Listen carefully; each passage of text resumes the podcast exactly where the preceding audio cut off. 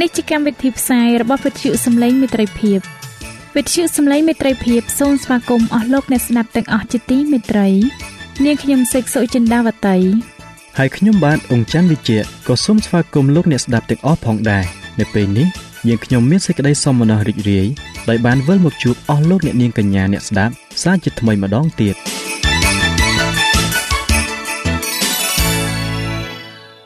ចា៎លោកអ្នកស្ដាប់ជាទីមេត្រី នាងខ្ញុំសូមគោរពអញ្ជើញអស់លោកលោកស្រីអ្នកនាងកញ្ញាតាមដានស្ដាប់កម្មវិធីផ្សាយរបស់វិទ្យុយើងខ្ញុំដូចតទៅ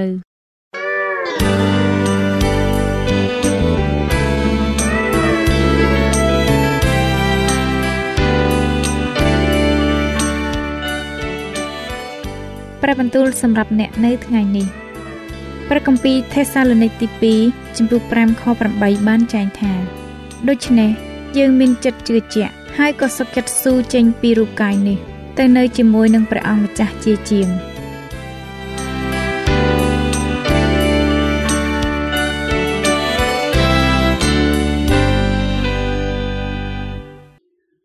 ជំរាបសួរអស់លោកអ្នកទាំងអស់គ្នាជាទីមេត្រីខ្ញុំបាទសូមគោរពនិងស្វាគមន៍អស់លោកអ្នកជាថ្មីម្ដងទៀតមកកាន់កម្មវិធីមេរៀនសបាស្គូលប្រចាំសប្ដាហ៍ មេរៀនរបស់យើងនៅថ្ងៃនេះមានចំណងជើងថា ចេញទៅបំរើនិងជួយសង្គ្រោះ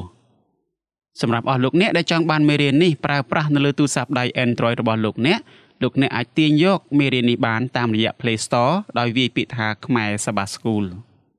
មុននឹងខ្ញុំបាទជម្រាបជូននៅខ្លឹមសារនៃមេរៀននេះដល់អស់លោកអ្នកខ្ញុំបាទសូមគោរពអញ្ជើញអស់លោកអ្នកបានពិចារណានៅចំណុចនិងសំណួរមួយចំនួនតាក់ទងជាមួយនឹងមេរៀននេះដូចតទៅ បុគ្គលមួយចំនួនជឿថា អ្នកដែលសរសេរព្រះគម្ពីរអេសាយជាមនុស្សពីរនាក់ខុសគ្នាតើគំនិតនេះចេញមកពីណាគំនិតនេះគឺចេញពីចិត្តដែលពោពេញទៅដោយការសង្ស័យគំនិតទាំងនេះមិនអាចទទួលយកបាន នៅរឿងដែលព្រះបានបង្ហាញដល់លោកអេសាយអំពីគ្រាអនាគតឡើយតើគំនិតនេះមានបញ្ហាអ្វីទៅតើហេតុអ្វីបានជាយើងជាគ្រិស្តបរិស័ទត្រូវតែងាកចេញពីទស្សនៈទាំងនេះ អស់លោកអ្នកជាទីមេត្រីតាមរយៈសៀវភៅព្រះនៃសេចក្តីស្រឡាញ់អ្នកស្រី Ellen G. White បានលើកឡើងថាមនុស្សជាច្រើនចង់ទៅលេងកន្លែងដែលព្រះយេស៊ូវបានប្រសូតនិងរស់នៅ ពួកគេចង់ដើរនៅកន្លែងដែលព្រះយេស៊ូវបានយាងទៅ ហើយក៏ចង់ឃើញកន្លែងផ្សេងផ្សេងទៀតដែលទ្រង់ចូលទៅបង្រៀនព្រមទាំងចង់ឃើញភ្នំនិងជ្រលងភ្នំដែលទ្រង់បានឃើញដែរប៉ុន្តែយើងមិនចាំបាច់ទៅណាសារ៉េត កាពឺនឹមឬភូមិបេថានីនោះទេ ប្រសិនបើយើងចង់ដើរតាមគន្លងរបស់ព្រះយេស៊ូវនោះយើងនឹងរកឃើញស្នាមព្រះបាទរបស់ព្រះអង្គនៅជាប់នឹងគ្រែរបស់អ្នកជំងឺនៅក្នុងលំនៅស្ថាន របស់ជនក្រីក្រនៅតាមដងវិថីដ៏តូចចង្អៀតនៃទីក្រុងទាំងឡាយនិងនៅគ្រប់ទីកន្លែងដែលមនុស្សត្រូវការកំសាន្តចិត្តដូច្នេះហើយបើយើងរាល់គ្នាបានបំពេញនូវពន្ធកិច្ចដែលព្រះយេស៊ូវបានធ្វើ នោះយើងបានដើរតាមគន្លងរបស់ទ្រង់ហើយលោកអេសាយបានពរនាអំពីអ្នកបម្រើរបស់ព្រះជាម្ចាស់អ្នកបម្រើនេះ បានសម្ដែងនៅសេចក្តីមេត្តាករុណាដូចជាព្រះយេស៊ូវដែរទ្រង់នឹងមិនផ្ដាច់ដើមត្រែងដែលបាក់ទេក៏មិនលុតប្រឆេះដែលនៅហុយដែរទ្រង់នឹងធ្វើឲ្យភ្នែកអ្នកខ្វាក់បានភ្លឺឡើង ហើយ ឲ្យពួកអ្នកដែលអង្គុយនៅក្នុងទីងងឹតបានចេញរួចពីទីឃុំឃាំងព្រះគម្ពីរអេសាយជំពូក42ខ3និងខ7តើអ្នកបម្រើនេះជាអ្នកណាតើគាត់ធ្វើអ្វីដែរក្នុងព្រះគម្ពីរអេសាយជំពូក41ខ8ព្រះជាម្ចាស់បានមានបន្ទូលថាតែឯងឲ្យអ៊ីស្រាអែលជាអ្នកបម្រើអញអើយ បន្ទាប់មកនៅក្នុងព្រះគម្ពីរអេសាយជំពូក42ខ1ព្រះជាម្ចាស់ទ្រង់បានណែនាំអ្នកដែលជាអ្នកបម្រើរបស់ទ្រង់តើអ្នកបម្រើនេះជាអ្នកណាតើអ្នកបម្រើនេះជាលោកយ៉ាកុបដែលជាឪពុករបស់ជនជាតិអ៊ីស្រាអែលមែនឬឬគាត់ជាជនជាតិអ៊ីស្រាអែលបើមិនដូច្នោះទេតើគាត់ជាអ្នកដែលព្រះបានជ្រើសរើសហើយក៏ត្រូវបានគេស្គាល់ថាជាព្រះយេស៊ូវក្នុងព្រះគម្ពីរសញ្ញាថ្មីមែនដែរឬទេអ ស់លោកអ្នកជាទីមេត្រីលោកអេសាយបានបរិយាយអំពីអ្នកបម្រើពីរអ្នកផ្សេងគ្នានៅក្នុងព្រះគម្ពីរអេសាយជំពូក41ដល់ជំពូក53អ្នកបម្រើម្នាក់មានឈ្មោះថាអ៊ីស្រាអែលឬយ៉ាកុបលោកអ្នកអាចអានសេចក្តីនេះនៅក្នុងព្រះគម្ពីរអេសាយជំពូក41ខ8ជំពូក44ខ1ដល់ខ2និងខ21អេសាយជំពូក45ខ4 និងព្រះគម្ពីរអេសាយដដែលជំពូក48ខ20ខគម្ពីរទាំងនេះបង្ហាញយើងថា លោកយ៉ាកបគឺជានិមិត្តរូបតំណាងឲ្យរាជអ៊ីស្រាអែលទាំងអស់ព្រះក៏បានធ្វើឲ្យយ៉ាកបជាបាវបំរើរបស់ទ្រង់មានសេរីភាពចេញពីនគរបាប៊ីឡូនដែលមានចែងនៅក្នុងព្រះគម្ពីរអេសាយជំពូក48ខ20ដូច្នេះខគម្ពីរទាំងនេះក៏បង្ហាញយើងឲ្យឃើញដែរថាយ៉ាកបគឺជាឈ្មោះមួយទៀត ដែលប្រើសម្រាប់សំដៅដល់រាជអ៊ីស្រាអែលឥឡូវនេះយើងសង្កេតមើលឧទាហរណ៍ផ្សេងទៀតនៅក្នុងព្រះគម្ពីរអេសាយព្រះគម្ពីរអេសាយចំពុក42ខ1ចំពុក50ខ10ចំពុក52ខ13និងព្រះគម្ពីរអេសាយដដែលចំពុក53ខ11នៅក្នុងខទាំងនេះបាបំរើរបស់ព្រះគ្មានឈ្មោះនោះទេ ដំបងឡើយលោកអេសាយបានសម្ដែងអំពីអ្នកបំរើនៅក្នុងខគម្ពីរអេសាយចំពុក42ខ1នៅក្នុងខនេះយើងមិនបានដឹងថាលោកអេសាយកំពុងនិយាយអំពីអ្នកណានោះទេប៉ុន្តែលោកបានលំអិតថែមទៀតអំពីបាបម្រើម្នាក់នេះនៅក្នុងខបន្ទាប់ក្រោយមកយើងក៏អាចយល់បានថាបាបម្រើនេះ គឺជាមនុស្សដ៏ពិសេសម្នាក់លោកនឹងដឹកនាំយ៉ាកុបដែលជាប្រជាជនអ៊ីស្រាអែលឲ្យត្រឡប់មករកព្រះវិញ ព្រះគម្ពីរអេសាយជំពូក49ខ5ដល់ខ6បាបម្រើនេះនឹងត្រូវស្លាប់ទុកជាយ៉ាញ់បូជាសម្រាប់មនុស្សមានបាបជាច្រើនអេសាយជំពូក52ខ13ដល់ខ15សូមលោកអ្នកអានបន្ថែមរឿងនេះនៅក្នុងព្រះគម្ពីរអេសាយជំពូក49ខ5ដល់ខ6ដូច្នេះបើបំរើរូបនេះមិនអាចជាជនជាតិអ៊ីស្រាអែលឡើយម្នាក់តំណាងឲ្យរាជរបស់ព្រះជាម្ចាស់ រីឯម្នាក់ទៀតគឺជារូបបុគ្គលពិតវិញអស់លោកអ្នកជាទីមេត្រីព្រះជាម្ចាស់បានមានព្រះបន្ទូលប្រាប់ដល់សាសអ៊ីស្រាអែលថាពួកគេនឹងនៅតែជារាជរបស់ព្រះអង្គតទៅត្បិតពួកគេគឺជាបាវបំរើទ្រង់ព្រះគម្ពីរអេសាយចំពុក41ខ9បានចែងថាអញបានរើសឯងមិនមែនបោះបង់ចោលឯងទេ ក្រោយមក ទ្រង់ក៏បានផ្ដល់នូវសេចក្តីសន្យាដ៏អស្ចារ្យនិងពោពេញទៅដោយកម្លាំងចិត្តបំផុតដល់សាសអ៊ីស្រាអែលនៅក្នុងព្រះគម្ពីរទាំងមូលព្រះអង្គបានមានបន្ទូលថាកុំឲ្យភ័យខ្លាចឡើយត្បិតអញនៅជាមួយនឹងឯងកុំឲ្យស្រយត់ចិត្តឲ្យសោះពីព្រោះអញជាព្រះនៃឯងអញនឹងចម្រើនកម្លាំងដល់ឯងអើអញនឹងជួយឯងអើអញនឹងទ្រឯងដោយដៃស្ដាំដ៏សុចរិតរបស់អញ ព្រះគម្ពីរអេសាយជំពូក41ខ10សាសអ៊ីស្រាអែលត្រូវតែសម្ដែងនៅការជឿទុកចិត្តលើព្រះជាម្ចាស់ដើម្បីជួយសង្គ្រោះពួកគេ ស្ដេចអស់ហាសមិនបានទុកចិត្តលើទ្រង់នោះទេអ៊ីស្រាអែលមិនត្រូវទុកចិត្តលើព្រះដតីនិងរូបសំណាករបស់ខ្លួនដូចជាសាសដតីនោះឡើយព្រះគម្ពីរអេសាយជំពូក42ខ1ដល់ខ7បានចែងថាមើលនេះណែអ្នកបំរើរបស់អញ ដែលអញទប់ទល់គឺជាអ្នកជ្រើសរើសរបស់អញដែលជាទីរីករាយដល់ចិត្តអញអញបានដាក់វិញ្ញាណអញឲ្យសន្ធិដ្ឋលើទ្រង់ហើយទ្រង់នឹងសម្ដែងចេញឲ្យគ្រប់ទាំងសះបានឃើញសេចក្តីយុត្តិធម៌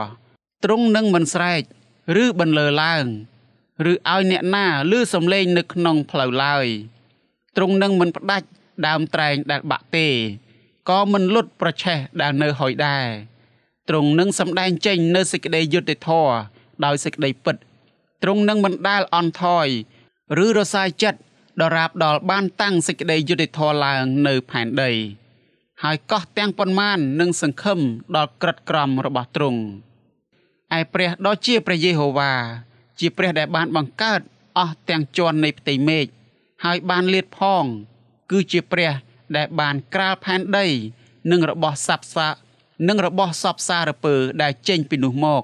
គឺព្រះអង្គដែលប្រទានឲ្យប្រជាជាតិទាំងប៉ុន្មាននៅផែនដីមានដង្ហើមព្រមទាំងឲ្យមនុស្សទាំងឡាយដែលដើរក្នុងលោកមានវិញ្ញាណផងទ្រង់មានព្រះបន្ទូលថាអញនេះគឺយេហូវ៉ាអញបានហៅឯងមកដោយសេចក្តីសុចរិតអញនឹងកាន់ដៃឯងហើយថែរក្សាឯងអញនឹងតាំងឯងឡើងទុកជាសេចក្តីសញ្ញាដល់បណ្ដាជន ហើយជាពន្លឺលឺដល់អស់ទាំងសះដើម្បីនឹងឲ្យភ្នែកមនុស្សខ្វាក់បានភ្លឺឡើងនឹងនាំពួកចាប់ចងចេញពីគុកងងឹតហើយឲ្យពួកអ្នកដែលអង្គុយនៅក្នុងទីងងឹតបានចេញរួចពីទីឃុំឃាំង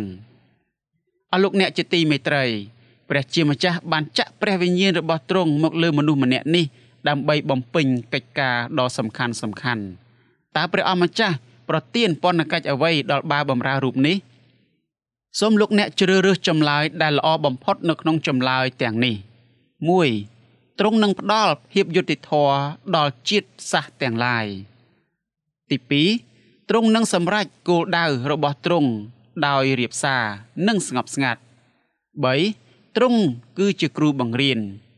4ទ្រង់នឹងបានជាសេចក្តីសញ្ញារវាងព្រះនិងមនុស្ស5 ទ្រង់នឹងផ្ដល់ពន្លឺឬសេចក្តីសង្ឃឹមដល់ប្រជាជនតាមរយៈការប្រោសលោះមនុស្សខ្វាក់និងការរំដោះអ្នកទោសឲ្យមានសេរីភាពឡើងវិញ6ទ្រង់គ្រប់គ្រងទាំងអស់ដោយខាងលើតើបាបំរើម្នាក់នេះបំពេញពន្ធកិច្ចដូចគ្នាទៅនឹងបុគ្គលដែលត្រូវបានបង្ហាញដោយគុលរបស់អេសាយនៅក្នុងព្រះគម្ពីរអេសាយជំពូក11ខ1ដែរឬទេ បើមែននោះតើពន្ធកិច្ច ដែលពួកគេបំពេញដូចគ្នាយ៉ាងដូចម្តេចដែរមហាក្សត្រមួយអង្គនៅក្នុងព្រះគម្ពីរអេសាយជំពូក11បានធ្វើតាមអ្វីដែលព្រះសពព្រះតីឲ្យទ្រង់ធ្វើ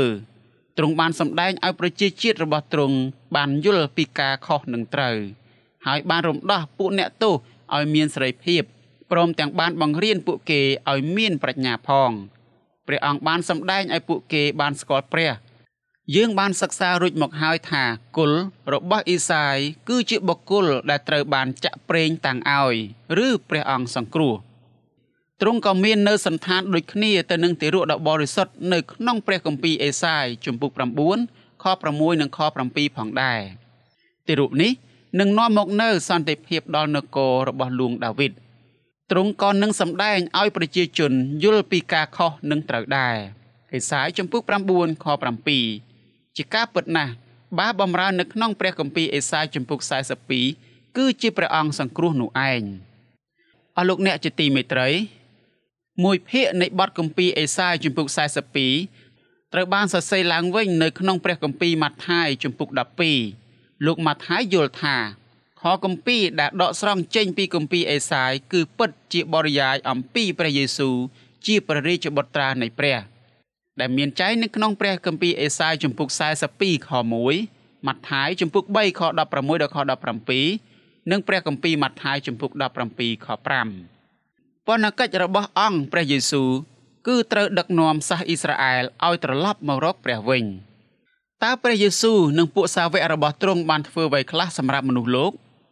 ពួកគេបានរំដោះមនុស្សចេញពីការរងទុក្ខនិងការសង្កត់សង្កិនរបស់អារក្ស ដែលមានចែងនៅក្នុងព្រះគម្ពីរលូកាចំពុក10ខ19ក្រោយមកព្រះយេស៊ូវបានសគត់ដើម្បីសម្រេចនៅកិច្ចព្រមព្រៀងរវាងព្រះនិងរាជរបស់ទ្រង់ព្រះគម្ពីរម៉ាថាយចំពុក26ខ28ព្រះយេស៊ូវបានយកជ័យជំនះលើសាតាំងនៅត្រង់ឈើឆ្កាងសាតាំងបានកេងប្រវ័ញ្ចយកអំណាចគ្រប់គ្រងរបស់ផែនដីនេះពីលោកអាដាមប៉ុន្តែព្រះយេស៊ូវបានដណ្ដើមយកសិទ្ធិត្រួតត្រានោះត្រឡប់មកវិញ។ លោកអេសាយបានបម្រើពន្ធកិច្ចថ្វាយព្រះជាម្ចាស់ចាប់តាំងពីឆ្នាំ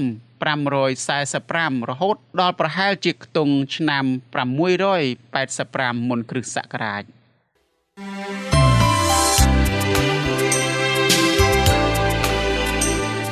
សេចក្តីជំនឿកើតឡើងដោយលឺ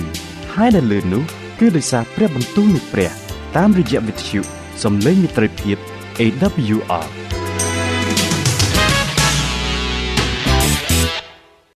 អស់លោកអ្នកជាទីមេត្រីព្រះជាម្ចាស់បានប្រទានដល់ហោរាអេសាយនៅព្រះបន្ទូលដ៏មានអំណាច ស្ដីអំពីគ្រាអនាគតនិងអំពីស្ដេចពឺស៊ីផងដែរដំបូងឡើយហោរាអេសាយបានពិពណ៌នាថានឹងមានមេដឹកនាំដ៏ខ្លាំងពូកែម្នាក់លេចមកពីទិសខាងកើត និងទិសខាងជើង ដែលមានចែងនៅក្នុងព្រះគម្ពីរអេសាយជំពូក41ខ2ដល់ខ3និងខ25បន្ទាប់មក លោកក៏បានសម្ដែងថានេះជាដំណឹងល្អសម្រាប់ក្រុងយេរូសាឡឹមទេអេសាយជំពូក41ខ27ក្រោយមកទៀតលោកហោរ៉ាអេសាយក៏បានរៀបរាប់ប្រាប់យើងទៀតថាស្ដេចពឺស៊ីអង្គនេះនឹងមានព្រះនាមថាសេរុសលោកក៏បានប្រាប់យើងពីរឿងផ្សេងផ្សេងដែលព្រះចៅសេរុសបានធ្វើតាមពិតទៅហោរាអេសាយបានទស្សទាយយ៉ាងត្រឹមត្រូវថាស្ដេចអង្គនេះទ្រង់នឹងយាងមកពីទិសខាងជើង និងខាងកើតនៃក្រុងបាប៊ីឡូនព្រះបាទសេរុសបានទទួលជ័យជំនះលើនគរបាប៊ីឡូននៅឆ្នាំ539មុនគ្រិស្តសករាជបន្ទាប់មកព្រះអង្គបានបម្រើការថ្វាយព្រះតាមរយៈការរំដោះជនជាតិយូដាពីស្រុកបាប៊ីឡូនហើយព្រមទាំងបានអនុញ្ញាតឲ្យជនជាតិយូដាចាប់ផ្ដើមស្ថាបនាព្រះវិហារនៅក្រុងយេរូសាឡឹមឡើងវិញផងដែរសេចក្តីនេះមានចែងនៅក្នុងព្រះគម្ពីរអេស្រាចំពុក1 រឿងទាំងនេះបានកើតឡើងរហូតដល់146ឆ្នាំក្រោយមក បន្ទាប់ពីលោកអេសាយបានទទួលមរណភាពទៅនិងមុនពេលដែលស្ដេចសេរុសចាប់យកបាប៊ីឡូនដូច្នេះការនេះបានបង្ហាញថា ព្រះបន្ទូលស្ដីអំពីស្ដេចសេរុសក្នុងព្រះគម្ពីរអេសាយបានទាយទុកជិត150ឆ្នាំមុនពេលដែលរឿងនោះបានកើតឡើង អ្នកប្រវត្តិសាស្ត្រជាច្រើនបានអះអាងថា ព្រះបន្ទូលដែលសម្ដែងអំពីស្ដេចសេរុសគឺជារឿងដែលបានកើតឡើងពិតប្រាកដមែនកំណត់ហេតុផ្សេងផ្សេងរបស់ជនជាតិបាប៊ីឡូននៅក្នុងរជ្ជកាលរបស់ស្ដេចសេរុសហើយនឹងរបាយការណ៍របស់ស្ដេចអង្គនេះព្រមទាំងអ្នកសរសេរព្រះគម្ពីរផ្សេងផ្សេងទៀតបានផ្ដល់នៅភស្តុតាងគ្រប់គ្រាន់សម្រាប់រឿងហេតុនេះដែលបានកើតឡើងយ៉ាងប្រកបជាក់លោកអ្នកអាចអានបន្ថែមនៅក្នុងព្រះគម្ពីររបស់ក្សត្រខ្សែទី2ជំពូក36ខ22ដល់ខ23 ព្រះគម្ពីរអេស្រាជំពូក1ព្រះគម្ពីរដានីយ៉ែលជំពូក5និងជំពូក6និងព្រះគម្ពីរដានីយ៉ែលជំពូក10ខ1ដោយយោងតាមសក្ខីកម្មទាំងនេះហើយទើបយើងមិនអាចប្រកែកបានឡើយព្រះជាម្ចាស់បានប្រទានព្រះបន្ទូលទាំងនេះមកដល់លោកអេសាយក្នុងគោលបំណងដើម្បីពង្រឹងសេចក្តីជំនឿរបស់យើងតាមរយៈព្រះគម្ពីរហើយនឹងដើម្បីបង្ហាញថាព្រះទ្រង់ជ្រាប ពីពេលអនាគតមុនដែលវានឹងកើតឡើងថែមទៀតផងព្រះគម្ពីរអេសាយចំពុក45ខ1បានចែងថា ស្ដេចដែលព្រះបានចាក់ប្រេងតាំងឡើងតើហេតុអ្វីបានជាព្រះជាម្ចាស់បានប្រទានគោរមងារដល់ស្ដេចសរុថាជាស្ដេចដែលបានចាក់ប្រេងតាំងឡើងតើលោកអ្នកបានសង្កេតឃើញ ពាក្យហេប្រឺដែលសរសេរថា បានចាក់ប្រេងតាំងដែរឬទេ យើងបានទទួលពាក្យថាព្រះមេស៊ី ឬព្រះអង្គសង្គ្រោះចេញមកអំពីពាក្យតែមួយនេះឯងស្ដេចសេរុសជាស្ដេចមួយអង្គដែលនឹងត្រូវយាងមកនៅពេលខាងមុខព្រះជាម្ចាស់បានចាក់ប្រេងតាំងទ្រង់ឲ្យមករំដោះរាជរបស់ព្រះអង្គឲ្យមានសេរីភាពប៉ុន្តែស្ដេចអង្គនេះគ្រាន់តែជាព្រះមេស៊ីពិសេសឬជាអ្នកសង្គ្រោះតែប៉ុណ្ណោះពីព្រោះព្រះអង្គមិនមែនជាជនជាតិយូដានោះទេទ្រង់បានធ្វើនៅរឿងមួយចំនួន ដែលព្រះអង្គសង្គ្រោះនឹងធ្វើ ហើយទ្រង់នឹងវាយប្រហារដល់ពួកខ្មាំងសត្រូវរបស់ព្រះនឹងជួយរំដោះរាជរបស់ព្រះអង្គដែលនៅទីក្រុងបាប៊ីឡូនឲ្យមានសេរីភាពឡើងវិញ។យ៉ាងណាមិញស្ដេចសេរុសមិនអាចប្រៀបធៀបទៅនឹងព្រះអង្គសង្គ្រោះដែលនឹងត្រូវយាងមកនោះបានឡើយពីព្រោះទ្រង់មិនបានកើតនៅក្នុងជំនួវងរបស់លួងដាវីតទេព្រះបន្ទូលដែលស្ដែងអំពីរឿងរបស់ព្រះបាទសេរុសបានសម្ដែងឲ្យយើងដឹងថា មានតែព្រះជាម្ចាស់មួយអង្គប៉ុណ្ណោះ ដែលអាចជ្រាបដឹងនៅរឿងរ៉ាវនាពេលអនាគតក្រោយមកទៀតព្រះអង្គក៏បានត្រាស់ហៅស្ដេចសេរុសឲ្យបានស្គាល់ព្រះអង្គទ្រង់ដោយផ្ទាល់ផងដែរព្រោះទ្រង់បានស្គាល់ព្រះនាមរបស់ព្រះបាទសេរុសតាំងពីព្រះអង្គមិនទាន់ប្រសូតមកម្លេះព្រះគម្ពីរអេសាយបានសម្ដែងថា ព្រះទ្រង់ជ្រាបពីអនាគតមុនពេលដែលវាបានកើតឡើងផងដែរ លោកអេសាយបានលើកឡើងអំពីព្រះនាមរបស់ព្រះបាទសេរុសរយៈពេល150ឆ្នាំមុនពេលដែលស្ដេចអង្គនេះបានប្រសូតមកម្លេះព្រះបន្ទូលដ៏ពិតនេះបានធ្វើឲ្យមនុស្សមួយចំនួនធំមានភាពស្រឡាំងកាំងដោយសារពួកគេមិនចង់ជឿថា ព្រះជាម្ចាស់បានប្រទាននៅព្រះបន្ទូលមកដល់រាជរបស់ទ្រង់ហេតុនេះហើយ បានជាមនុស្សទាំងនេះយល់ថា មានបុគ្គលម្នាក់ទៀតមានឈ្មោះអេសាយ លោកក៏បានរស់នៅក្នុងចំនួនស្ដេចសេរុដែរលោកអេសាយទី2នេះឯងគឺជាអ្នកដែលបានសរសេរបទគម្ពីរអេសាយជំពូក40ដល់ចំពុក66ការយល់បែបនេះ គឺជារឿងមិនពិតត្រឹមត្រូវនោះទេ នៅក្នុងព្រះគម្ពីរអេសាយទាំងមូល យើងមិនឃើញមានពាក្យថាអេសាយទី2នោះទេបើលោកពិតជាមានជីវិតមែន ចុះតើហេតុអ្វីបានជាព្រះគម្ពីរមិនបានប្រាប់យើងអំពីរឿងនេះដូច្នេះហើយបានជាយើងរកមិនឃើញនៅផុសតាងណាមួយ នៅក្នុងព្រះគម្ពីរដែលបញ្ជាក់ថា មានហោរាថ្មីណាម្នាក់បានសរសេរបទគម្ពីរអេសាយដែលនៅសល់បន្ទាប់ពីជំពូក39នោះឡើយបទបន្ទូលនៃព្រះគម្ពីរអេសាយមានលក្ខណៈដូចគ្នានៅក្នុងព្រះគម្ពីរទាំងមូលដែលនិយាយអំពី ការទុកចិត្តលើព្រះ ហើយសេចក្តីជំនឿលើព្រះអង្គសង្គ្រោះ ដែលព្រះជាម្ចាស់នឹងចាត់ឲ្យមក លោកអ្នកមិនត្រូវជឿលើអ្វីក្រៅពីនេះឡើយពិតមែនហើយ មានអ្នកជំនាញខាងព្រះគម្ពីរជាច្រើនដែលពួកគេបកស្រាយបានយ៉ាងត្រឹមត្រូវនៅពេលដែលពួកគេនិយាយថាព្រះគម្ពីរអេសាយជំពូក1ដល់ជំពូក39សម្ដែងអំពីស្រុកអាសឺហើយជំពូក40រហូតដល់ចុងបញ្ចប់នៃកានគម្ពីរនេះបានចែងអំពីពេលវេលា ដែលរាជរបស់ព្រះ នឹងคล้ายទៅជាអ្នកទោសនៅនគរបាប៊ីឡូនយើងបានសង្កេតឃើញថាព្រះគម្ពីរអេសាយជំពូក13រហូតដល់ជំពូក14និងជំពូក19បានសម្ដែងរួចមកហើយថារាជរបស់ព្រះនឹងត្រូវគេដឹកនាំទៅជាឆ្លើយនៅនគរបាប៊ីឡូនព្រះគម្ពីរអេសាយជំពូក1ដល់ជំពូក39ចង់បង្ហាញអំពីការដាក់ទណ្ឌកម្មរបស់ព្រះរីឯបទគម្ពីរអេសាយជំពូក40ដល់66 ចង់សម្ដែងអំពីការលួងលោមកំសាន្តចិត្តដែលព្រះបានប្រទានមកដល់រាជទ្រង់ប៉ុន្តែនៅជំពូកមុននេះព្រះជាម្ចាស់ក៏បានជួយសម្រាលទុកដល់រាជរបស់ទ្រង់ផងដែរហើយនៅក្នុងជំពូកបន្ទាប់នៃព្រះគម្ពីរអេសាយនេះយើងក៏បានឃើញអំពីការដាក់ទណ្ឌកម្មនាពេលអនាគតរបស់ព្រះដល់សាសយូដាចំពោះការងាកចេញពីទ្រង់ផងដែរលោកអ្នកអាចអាននៅក្នុងព្រះគម្ពីរអេសាយជំពូក42ខ18ដល់ខ25 ជំពូក43ខ22ដល់ខ28និងព្រះគម្ពីរអេសាយដដែលជំពូក48ខ1ដល់ខ11អស់លោកអ្នកជាទីមេត្រីព្រះជាម្ចាស់ទ្រង់បានជ្រើសរើសបាវបំរើម្នាក់នេះ ហើយដាក់ឈ្មោះឲ្យគាត់មុនពេលដែលគាត់កើតមកម្លេះព្រះអង្គបានធ្វើឲ្យមាត់នៃអ្នកបម្រើរបស់ទ្រង់បានដូចជាផ្លែដាវដូច្នោះដែរតើយ៉ាងណាទៅណគាត់នឹងពោលនៅពាក្យដែលកាត់ដាច់ពីគ្នាបើបម្រើនេះ នឹងលើកដំកើងស្រីរុងរឿងរបស់ព្រះជាម្ចាស់ព្រះអង្គនឹងចាត់បើបម្រើរូបនេះដើម្បីដឹកនាំរាជរបស់ទ្រង់ឲ្យបានវិលត្រឡប់មករកព្រះវិញនៅគ្រានោះសាសអ៊ីស្រាអែលនឹងបានភ្លឺដូចជាពន្លឺថ្ងៃពួកគេនឹងសម្ដែងនៅផែនការរបស់ព្រះក្នុងការជួយសង្គ្រោះមនុស្សលោកនៅលើផែនដីនេះបើបំរើនោះក៏នឹងជួយរំដោះអ្នកទោសឲ្យមានសេរីភាពដែរដោយដែលយើងបានដឹងស្រាប់មកហើយថាបើបំរើនេះ បានធ្វើនៅរឿងរ៉ាវជាច្រើនស្រដៀងគ្នាទៅនឹងបើបំរើនៅក្នុងបទគម្ពីរអេសាយជំពូក42ផងដែរ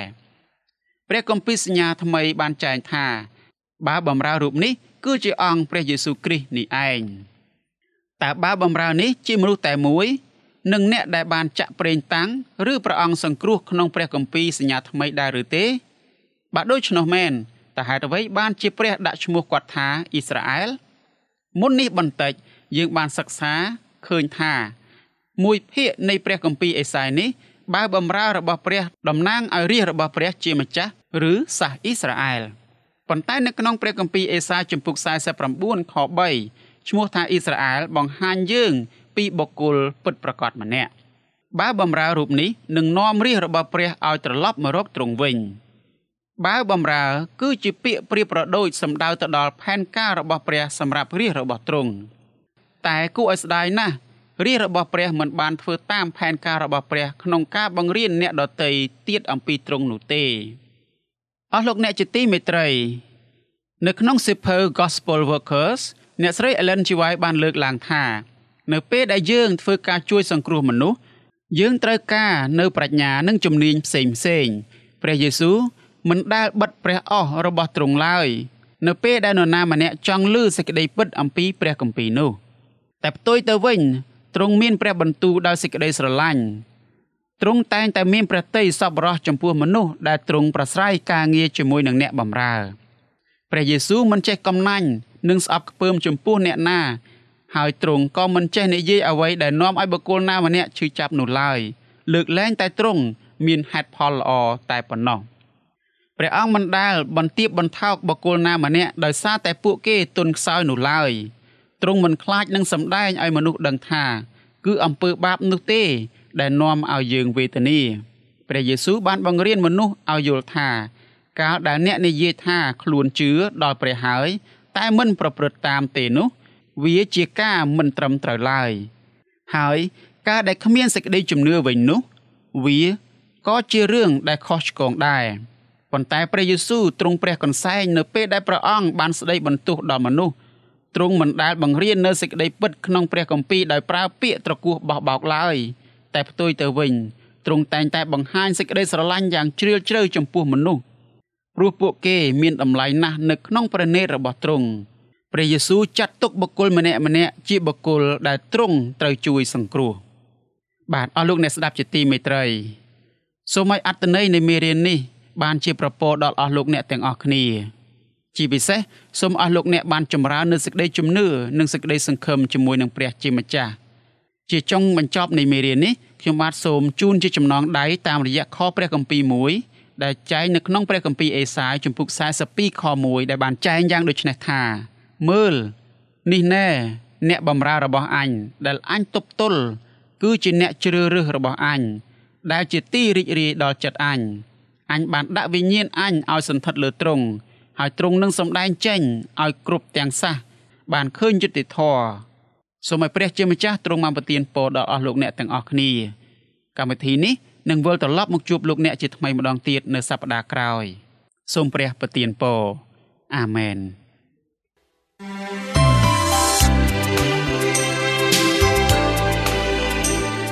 វិទ្យុសំឡេងមេត្រីភាព AWR មានផ្សាយពីរដងក្នុងមួយថ្ងៃ គឺព្រឹកនៅម៉ោង6និងពេលយប់នៅម៉ោង8